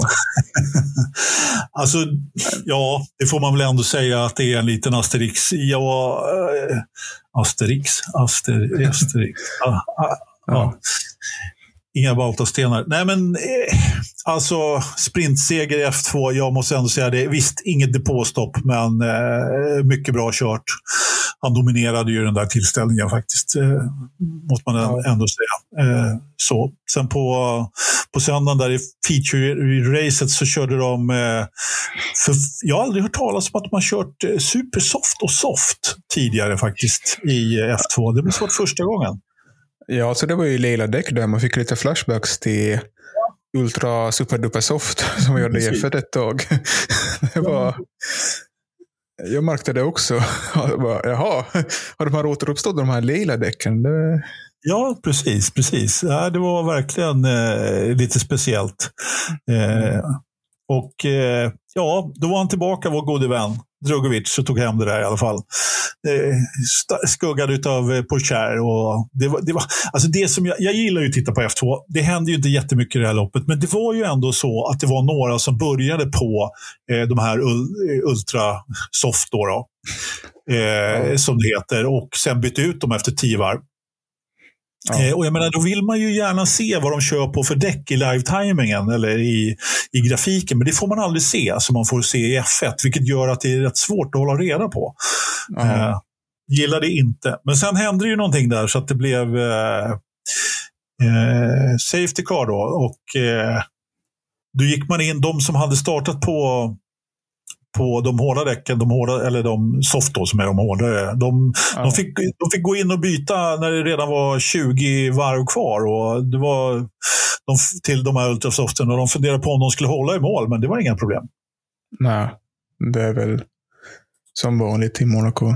Det är inte däckslitage att prata om om det är normala förhållanden, tyvärr. Ja, Man borde, ha, man borde ha specialdäck både till F1 och supportklasserna. Egentligen till Monaco. Om man, Jag vill. om man inte kan ändra banan så i alla fall ändra däckstyperna. Ett undantag till. Ja, exakt. Ja, men vi hade i alla fall, eh, Vips körde ju faktiskt eh, ett väldigt bra lopp och tog sig upp på pallen där. Eh, Mm. eh, behövde han för att stärka sina aktier igen och eh, Pocher tog andra platsen då bakom, bakom, bakom Drugovic. Ja, och Dennis Hauger tog poäng igen. Så det kunde bara ploppa in lite för honom, men han är ju nog långt efter. Ja, alltså det är trots allt hans första säsong i F2, så att eh, det är väldigt få som, som klarar av att, att dra hem det där. Och med den Vadå? nästa- Charles Leclerc, George Russell. Liksom det finns massor som har lyckats vinna första året i F2. Speciellt i Prema som man kör för. Ja, det är det jag menar. Att du behöver ju ha verkligen rätt förutsättningar. Och eh, Dennis Hauger är en fantastisk racerförare, men han är ingen Charles Leclerc. Så att, eh, Inte? nej, det är han inte. Han är ingen George Russell heller. Men eh, de flesta racerförare behöver i alla fall åtminstone något eh, halvår på sig, en halv säsong på sig och förstå de här däcken och få, få till det här med eh, soft och hard och eh, hur de ska jo jobba de här däcken i F2. Ja. Så- Så är det. Vi hade Enzo Fittipaldi på en fin femteplats där också faktiskt. Han, han har också spottat upp sig lite grann. Får man ändå säga. Nej, men hör du, eh, om vi ska bli klara någon gång idag så får vi nog dra Ja. vidare från F2 och eh, gå in på, på en sport som inte jag riktigt har koll på. Och Det är två hjul och MotoGP som du lyckades se där innan Monaco-starten också ja, det var ju en superhelg bara. Det var någon som kollade att det är den mest viktigaste liksom superduper motorsporthelgen på året. När det är liksom, man kör på Mugello, man kör på Monaco, man kör Indy 500 och det är Coca-Cola 600. Det finns liksom inget bättre än... Dessutom 24 timmars på Nürburgring också. Eh, Ja. som, som kördes då det riktiga eh, 24 timmars. Eh, och det måste vi också nämna, alltså där, det är ju en liten extra förstappen till Goodyear där som skulle leverera däcken till VTCC. Och Ja. man ställde alltså in tävlingen på, på, på grund av eh, säkerhet. Alltså, ja, jag, vet, jag kan inte eh, liksom själva detaljerna varför, men, men de var tvungna att ställa in loppet. Det, där kan vi snacka om skandal. Du. Ja, det var märkligt. Men jag såg ju, alltså, jag såg ju någon körning från Nürburgringen då. Jag vet inte vad. Nej, men alltså, det var VTCC som ställdes in. Eh, De Ah. kör alltid på fredagen eh, innan 24-timmarsloppet. Då. Så Ah, att 24-timmarsloppet kördes eh, definitivt, utan det var, det var standard, eh, alltså den här, no. ja precis, så, som, då, som den inte kör. De brukar köra två hit, av, eller tre hit eller något sånt där, av av tre varv. Då. Eh, Så Mm. 24-timmarstävlingen, den, den kördes som vanligt.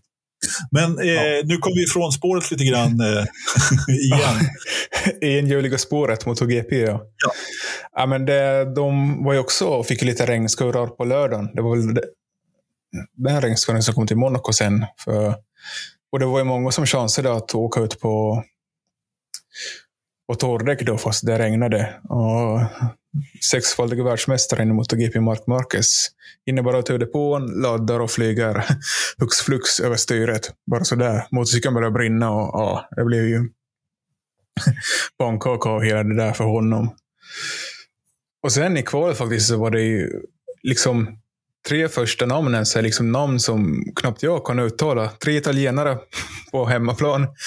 Fabio Di Giantonio, Marco Besecchi och Luca Marini. Det är liksom... Om man inte kollar mot GP slaviskt så vet man ju knappt vem de här är.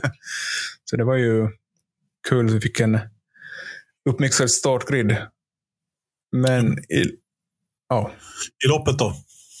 Ja, I loppet så var det torrt och varmt. Och då kom ju de här vad ska man kalla det, toppförarna då, inom citat, Bagnaia och Quartararo. Tog hand om den här. Som titeln handlar om i år, men det är Quartararo som nog har ett jättebra övertag. Och Espargaro och Aprilia fortsätter ta en tredjeplats, fyra tredjeplatser i rad. Så ja, men det, det känns... Det lever ganska bra. Just nu är det Espargaro mindre än 10 poäng efter Quartararo. Så det skulle ju vara... Heter han Escargot och kör fort som fan? Ja. Espargaro. Alltså Expargaro, ja. Ja. Inte, inte snigel då. Nej, okej. Nej. Men eh, ja, det var en kort sammanfattning på två hjul. Ja, härligt. VR46. Val Valentino Rossi fick ju sin, eh, sitt nummer förevigat. Ingen Ja. får använda nummer 46. Nähä, okej. Ja, härligt. Det är bra det. Då, det. Det är, eh, apropå, vi pratade hockey här i tidigare timmen och eh, mm. jag blev så förvånad. Det var så många siffror som jag kände igen, men jag kände inte igen numren. Eller namnen menar jag. Så jag trodde de hade pensionerat lite siffror, men uppenbarligen inte. Eh, men du, vi, vi håller oss kvar på två hjul och eh, du har en eh, Kymering. Kymering, hur uttalas det? Ja, Kymering. Inte Kimi Ring. Nej, som, det här med Y, ja, precis. En ny ja. eh, bana i Finland som skulle ha MotoGP eh, 20, i år eller nästa år? Ja, alltså första gången var väl tänkt 2019. Men ja, sen, eh, ja, det har varit ett långdraget projekt det här. 2019 ja. så blev det ingenting, men man skrev ändå ett förlängning på kontraktet och liksom fem lopp skulle man köra då. Sen kom 2020 med pandemin ställdes in. Men 21 så skulle man köra där. Men det blev inte av heller. Man skyllde på pandemin, fast det ändå ordnades liksom okay. evenemang i Finland. Och sen tills i år då, liksom sex veckor innan, innan start då, så hade man varit där och inspekterat banan då. In, inte förra veckan, men veckan före, för det här kom i förra veckan. Mm. Liksom motsvarigheten till FIA då i motorcykelbranschen var där och kollade och det, det föll på att däcksvallarna inte är färdiga. Okej. Okay. det är liksom, man, har, man har kämpat på med det här i tre, fyra år och försökt bygga den här banan. Och liksom inte fått upp däcksvallarna. Vad är liksom... Det känns ju väldigt märkligt. Det känns som att det ligger en hund, gravad hund där någonstans. Det är någonting ja. annat som inte stämmer. Ja, exakt. Och MotoGP skrev i sitt uttalande att det var både safety reasons and a geopolitical issue in the area. Det, jag okay. inte, är Finland i krig nu eller vad är liksom... Ja, ja. men du hade, en, eh, du hade hört någonting där? Alltså, det har ju gått rykten om att det, det ska vara rysk inblandning i det här. Eftersom det är väldigt nära till Ryssland. De hade förväntat sig massor med ryska turister och sånt. Mm, okay. Som skulle komma och besöka det här loppet. då. Okej, okay. så det var liksom kanske medräknat då i eh, åskådarantalet. Okay. Liksom. Demografin ja. runt, runt liksom att skulle resa till väldigt mycket från, från Ryssland. Ja, det är klart. Ja. Det, det är kanske, du fyller kanske inte läktarna lika, lika lätt i, om det bara kommer folk från, från Finland och kanske en och annan från Sverige. Liksom. Ja, men 30 000 ändå tycker man ju skulle räcka. Nu har man ju inga permanenta läktare där heller. Det är ju mest någon jordhop man får stå i för, för 750 spänn. Så, ja. alltså det är jättemärkligt. Liksom. Och, liksom det är ändå investeringsföretag som har ägardelar av det här företaget. Men mm. får man inte ut pengarna till att loppet faktiskt ska köras så låter det, alltså det låter jättemärkligt. Ja. Alltihopa. Det kommer ju lämna som någon sån där halv lite Valencia-bana där som är halvbyggd. Och ja. Man har kört lite mindre lopp där som inte är lika höga säkerhetskrav på. Men det ska, ja. vara, det vara en grade 1-bana, så den ska ju liksom, en F1-lopp ska ju kunna köras där rent säkerhetsmässigt. Ja. Så... Jaha. Nej, men, eh, ja, men vi får väl se vad som händer med banan och eh, vi får väl helt enkelt hoppas på en Formel 1-tävling istället. ja, nu när det inte blir i Sankt Petersburg så kommer man ju ja. Ja, eller hur? Men, men du måste fixa däcksvallarna först och lite läktarplatser i alla fall. Ja, men det kan vi ordna med en, eh, en, en insamling så åker vi dit i sommar och fixar det. Ja, alltså liksom. En Forza-resa. Det, det ja, liksom. Nej, nu glömmer vi eh, två hjul och Kymering och det blir inget lopp. Vi, vi, eh, vi, vi hoppas att det blir annat skoj där istället. Vi går på Kimi istället. Ja, Kimi. Vad, vad, Kimi, vad ska... Vad, Räikkönen. Vad, vad ja. i hela friden håller karln på med? Alltså, det kom ju upp en, en bild här på onsdagen, eller var det tisdagen, i samband med den här Kymmering-nyheten att Kim räknade upp på sin story ett stort handritat frågetecken. Och alla tänkte ju, vad, vad är det här nu? Har han varit i flaskan eller vad? liksom. Men uh, ja, det var väl någon som hade börjat kontakta honom och hört lite rykten att han ska han ska komma ur pensionen.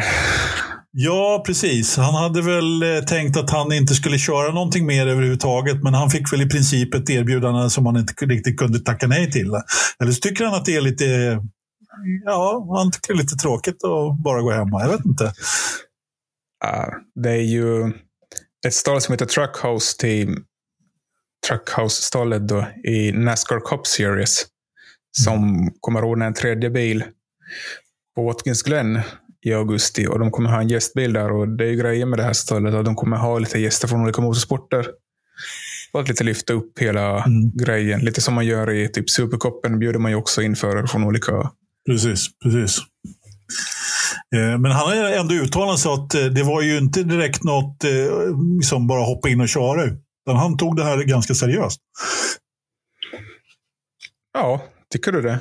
Ja, alltså åtminstone så som liksom det framställdes ändå så var det ju inte så att det bara var med en klackspark. Det, det måste jag ändå säga. Och eh, hela upplägget verkade ju ändå väldigt seriöst på något sätt. Och jag, menar, jag tror inte heller... Jag menar, han är ju liksom mannen som gör vad som faller honom in. Han skiter väl fullständigt i vad någon annan tycker.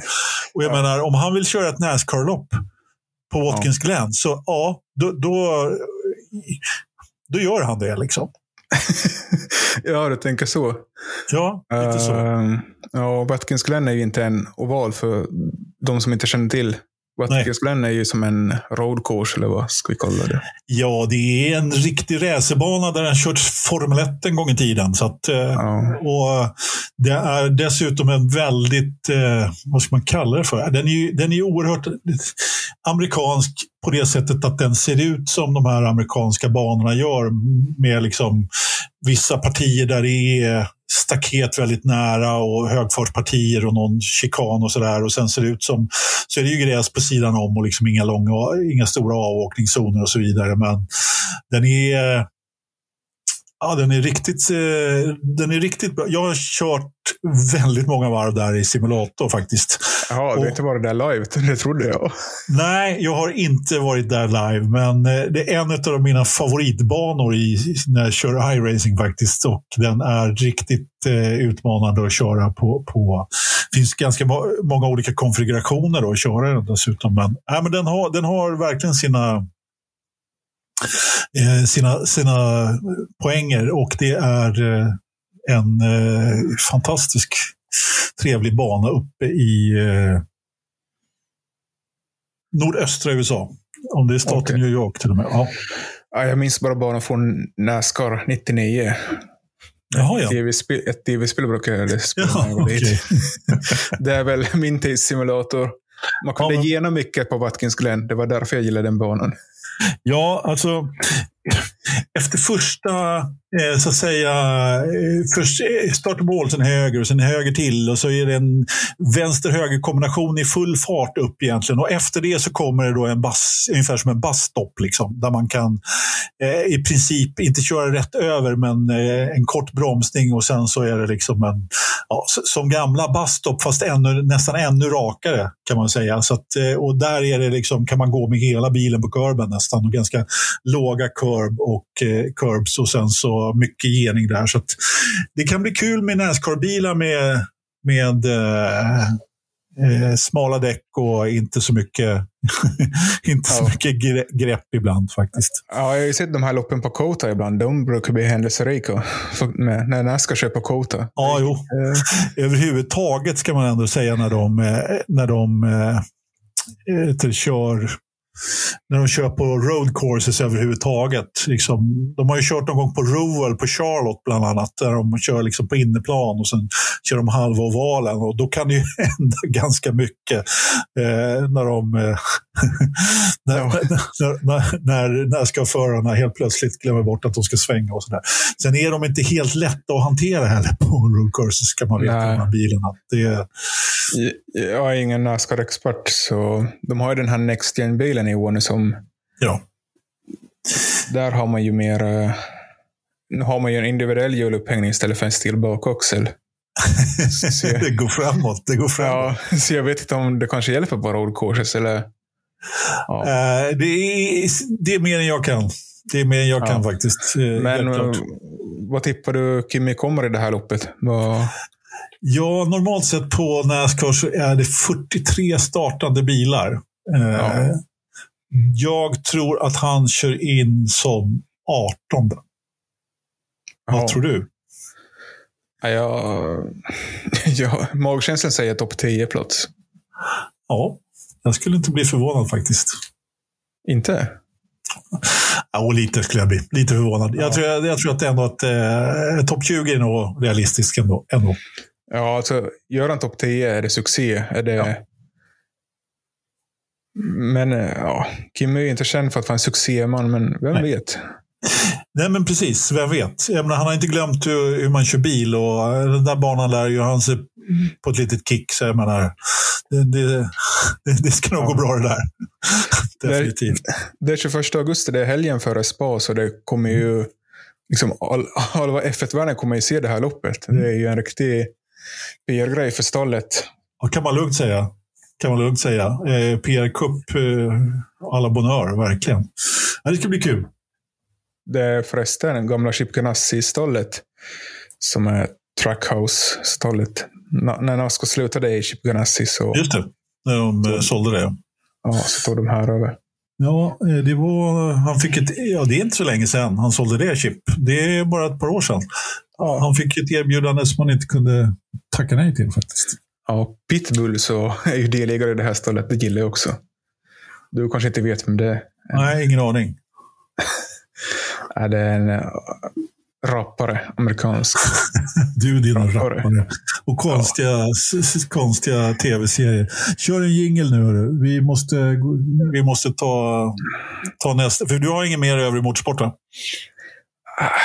Det finns väl massor som vanligt, men äh, Jo, lite mer finns det. Men vi hinner, nu har vi pratat en och en halv timme här. Är, ja.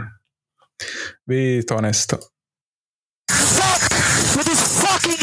Show. Honestly, fuck's sake, dickheads.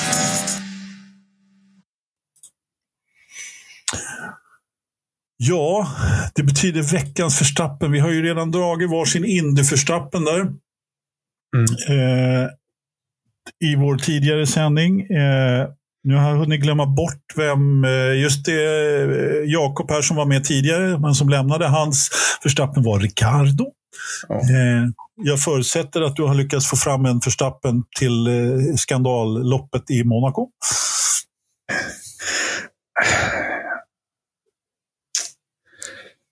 Det finns ju många där, som jag sa där tidigare, var kanske lite väl hård. Men alla verkar inte... Nej då. Ingen verkar ha gillat Monacos GP, men så det var... Eller... Eller gjorde man det? Jag vet inte. Det, Ja, ja, men det var ju trots allt lite händelserikare än det brukar vara. Så det var ju inte det här eh, tråk, riktigt tråk eh, kör som det brukar vara. Men eh, ja, men, ja, jag vet inte, hela, hela loppet i sig var nog lite. Kan man ge ett helt, ett helt tävling liksom? Det kan man. man det är, vi har konstiga förstappen här. Eh, så att du anar inte. Jakob har, har sagt de flesta, men jag menar, eh, Ternström har väl gett eh, Formel 1 som helhet förstappen minst tio gånger. Så att man kan ge Monacos GP 2022 en förstappen. Det går alldeles utmärkt. Nej, men det var som jag räknade, det var liksom fyra grejer som hände som som var lite arrangörsmissar om vi ska kalla det så. arrangören och Ferrari och gula linjen och Ja, liksom strömavbrott och ja, men liksom. och då klagar vi inte. Det här var ju saker som faktiskt hände som inte bidrar något till underhållningen i sporten. Det var Ja, saker som, försämra, som försämrade underhållningen. Och, ja verkligen. Sporten. verkligen. Håller med. Jag håller med. Vilken är din. Verstappen då? Min förstappen är, är solklart Ferraris strategi, strateger. Jag menar, det går inte att vara mer förstappen än så. Än att sjabbla bort en Monaco-vinst för Leclerc när han för en gång skulle komma i mål dessutom. De hade liksom en, eh, även om det var eh, liksom annorlunda, eller regn och lite changing conditions, eh, så som de säger. Alltså, hade de gjort det där rätt så hade han vunnit det där ändå. Men eh, det är ju någon slags förbannelse över det där. Så att eh, Ferraris strategiteam, och jag tycker de visade det lite tidigare också i Ferrari, att de har inte det här, eh, liksom, de är inte lika kalla som Red Bull eller Mercedes var tidigare, eller överhuvudtaget. Så att Ferraris strateger får eh, min förstappen. Vad får de för straff då? Du... ja, det var många. Jag la ut en liten omröstning där i Facebookgruppen Forza Motorsport eh, om vad de skulle få, få för straff efter eh, att de hade sjabblat bort den där segern. Det var, det var förvånansvärt många som tyckte att de inte skulle ha någon straff för att Leclerc kom i mål. Men det var ju inte deras förtjänst.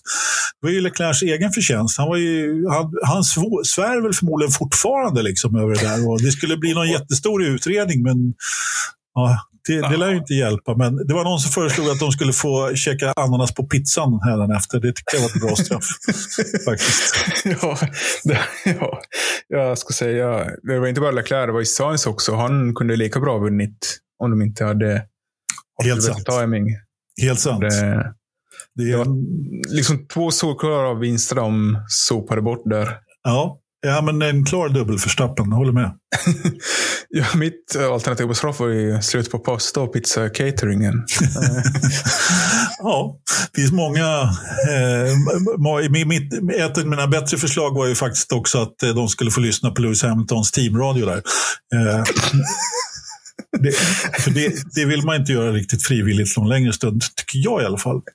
Även om det finns, eh, vi har en, eh, en eh, jag vet inte om han är lyssnare av podden, men han är i alla fall flitig skrivare i gruppen. Han brukar referera till den under loppen, vilket är ganska intressant och väldigt bra, för då slipper man lyssna själv. Liksom i våra racetrådar som man får reda på. Det är Ja. tacksamt faktiskt. Ja. Man säga. Eh, nåväl. Vad sa du? Vädret, eller har vi något väder idag? Ja, det är klart vi har väder, självklart. Kör gingen bara.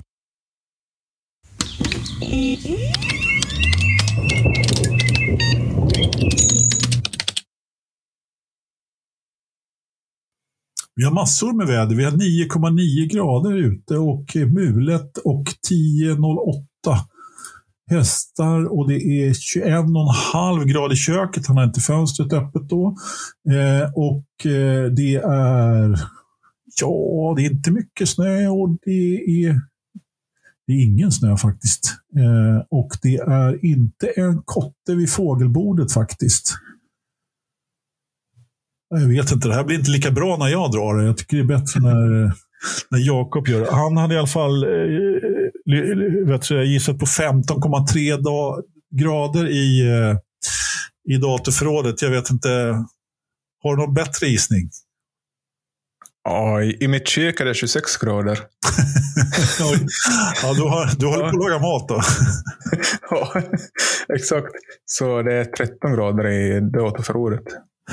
Fel, fel, fel. Det har hänt någonting. Det har, som vi brukar säga, pipit iväg. Det är 18,1 grader i datorförrådet. Jaha. Ja, kokar han på eller börjar servern gå på Ja, de går, på, de går på högvarv där, eh, hårddiskarna i datorn. Jag vet inte vad, vad som har hänt faktiskt. Men eh, med detta chockerande eh, beslut, säga, med denna chockerande nyhet så tror jag att vi tar och avslutar veckans avsnitt. Avsnitt 207 av Forza-podden. Glöm inte att prenumerera på YouTube-kanal. Och eh, om ni vill stödja oss så har vi eh, patreon.com Forsapodden och podstore.se Forza Motorsport där det finns lite merch eller sådana här fina tröjor att köpa med veckans förstappen på och våran logga och lite annat. Så Ja. ser den ut. Visar det för de som eventuellt orkar titta. Ja. Vad säger du? Vad ska du, vad ska du göra i veckan du? Veckan? Ja, ja vad fan ska jag göra i veckan? Jag ska försöka jobba lite hade jag tänkt. Eh, eh, sen ska jag på disputation ska jag på och sen så nästa vecka ska jag åka till, till Amsterdam. Vad ska du själv göra? Va? Ja, ska du till Amsterdam nu också? Eh, Ja. Alla, alla medlemmar i podden åker dit. Eh, ja, vem ska med dit? Nej, jag vet inte. Nej, okej. Ska du titta på fotboll den här veckan också eller? Nej, nej, vi förlorade ju eh, finalen på straffar. Alltså, det var, Vi det var jobbigt. Liksom, Ja, Hammarby förlorade mot Malmö. Kan du förstå det? du, Ja. Kristoffer, så här är det. Du uppväxt på Södermalm. Du måste ju nå, liksom vara blödig för det här till och med. Liksom, Alltså, alltså, jag- upp en final. Jag är, jag är stockholmare i åttonde generationen.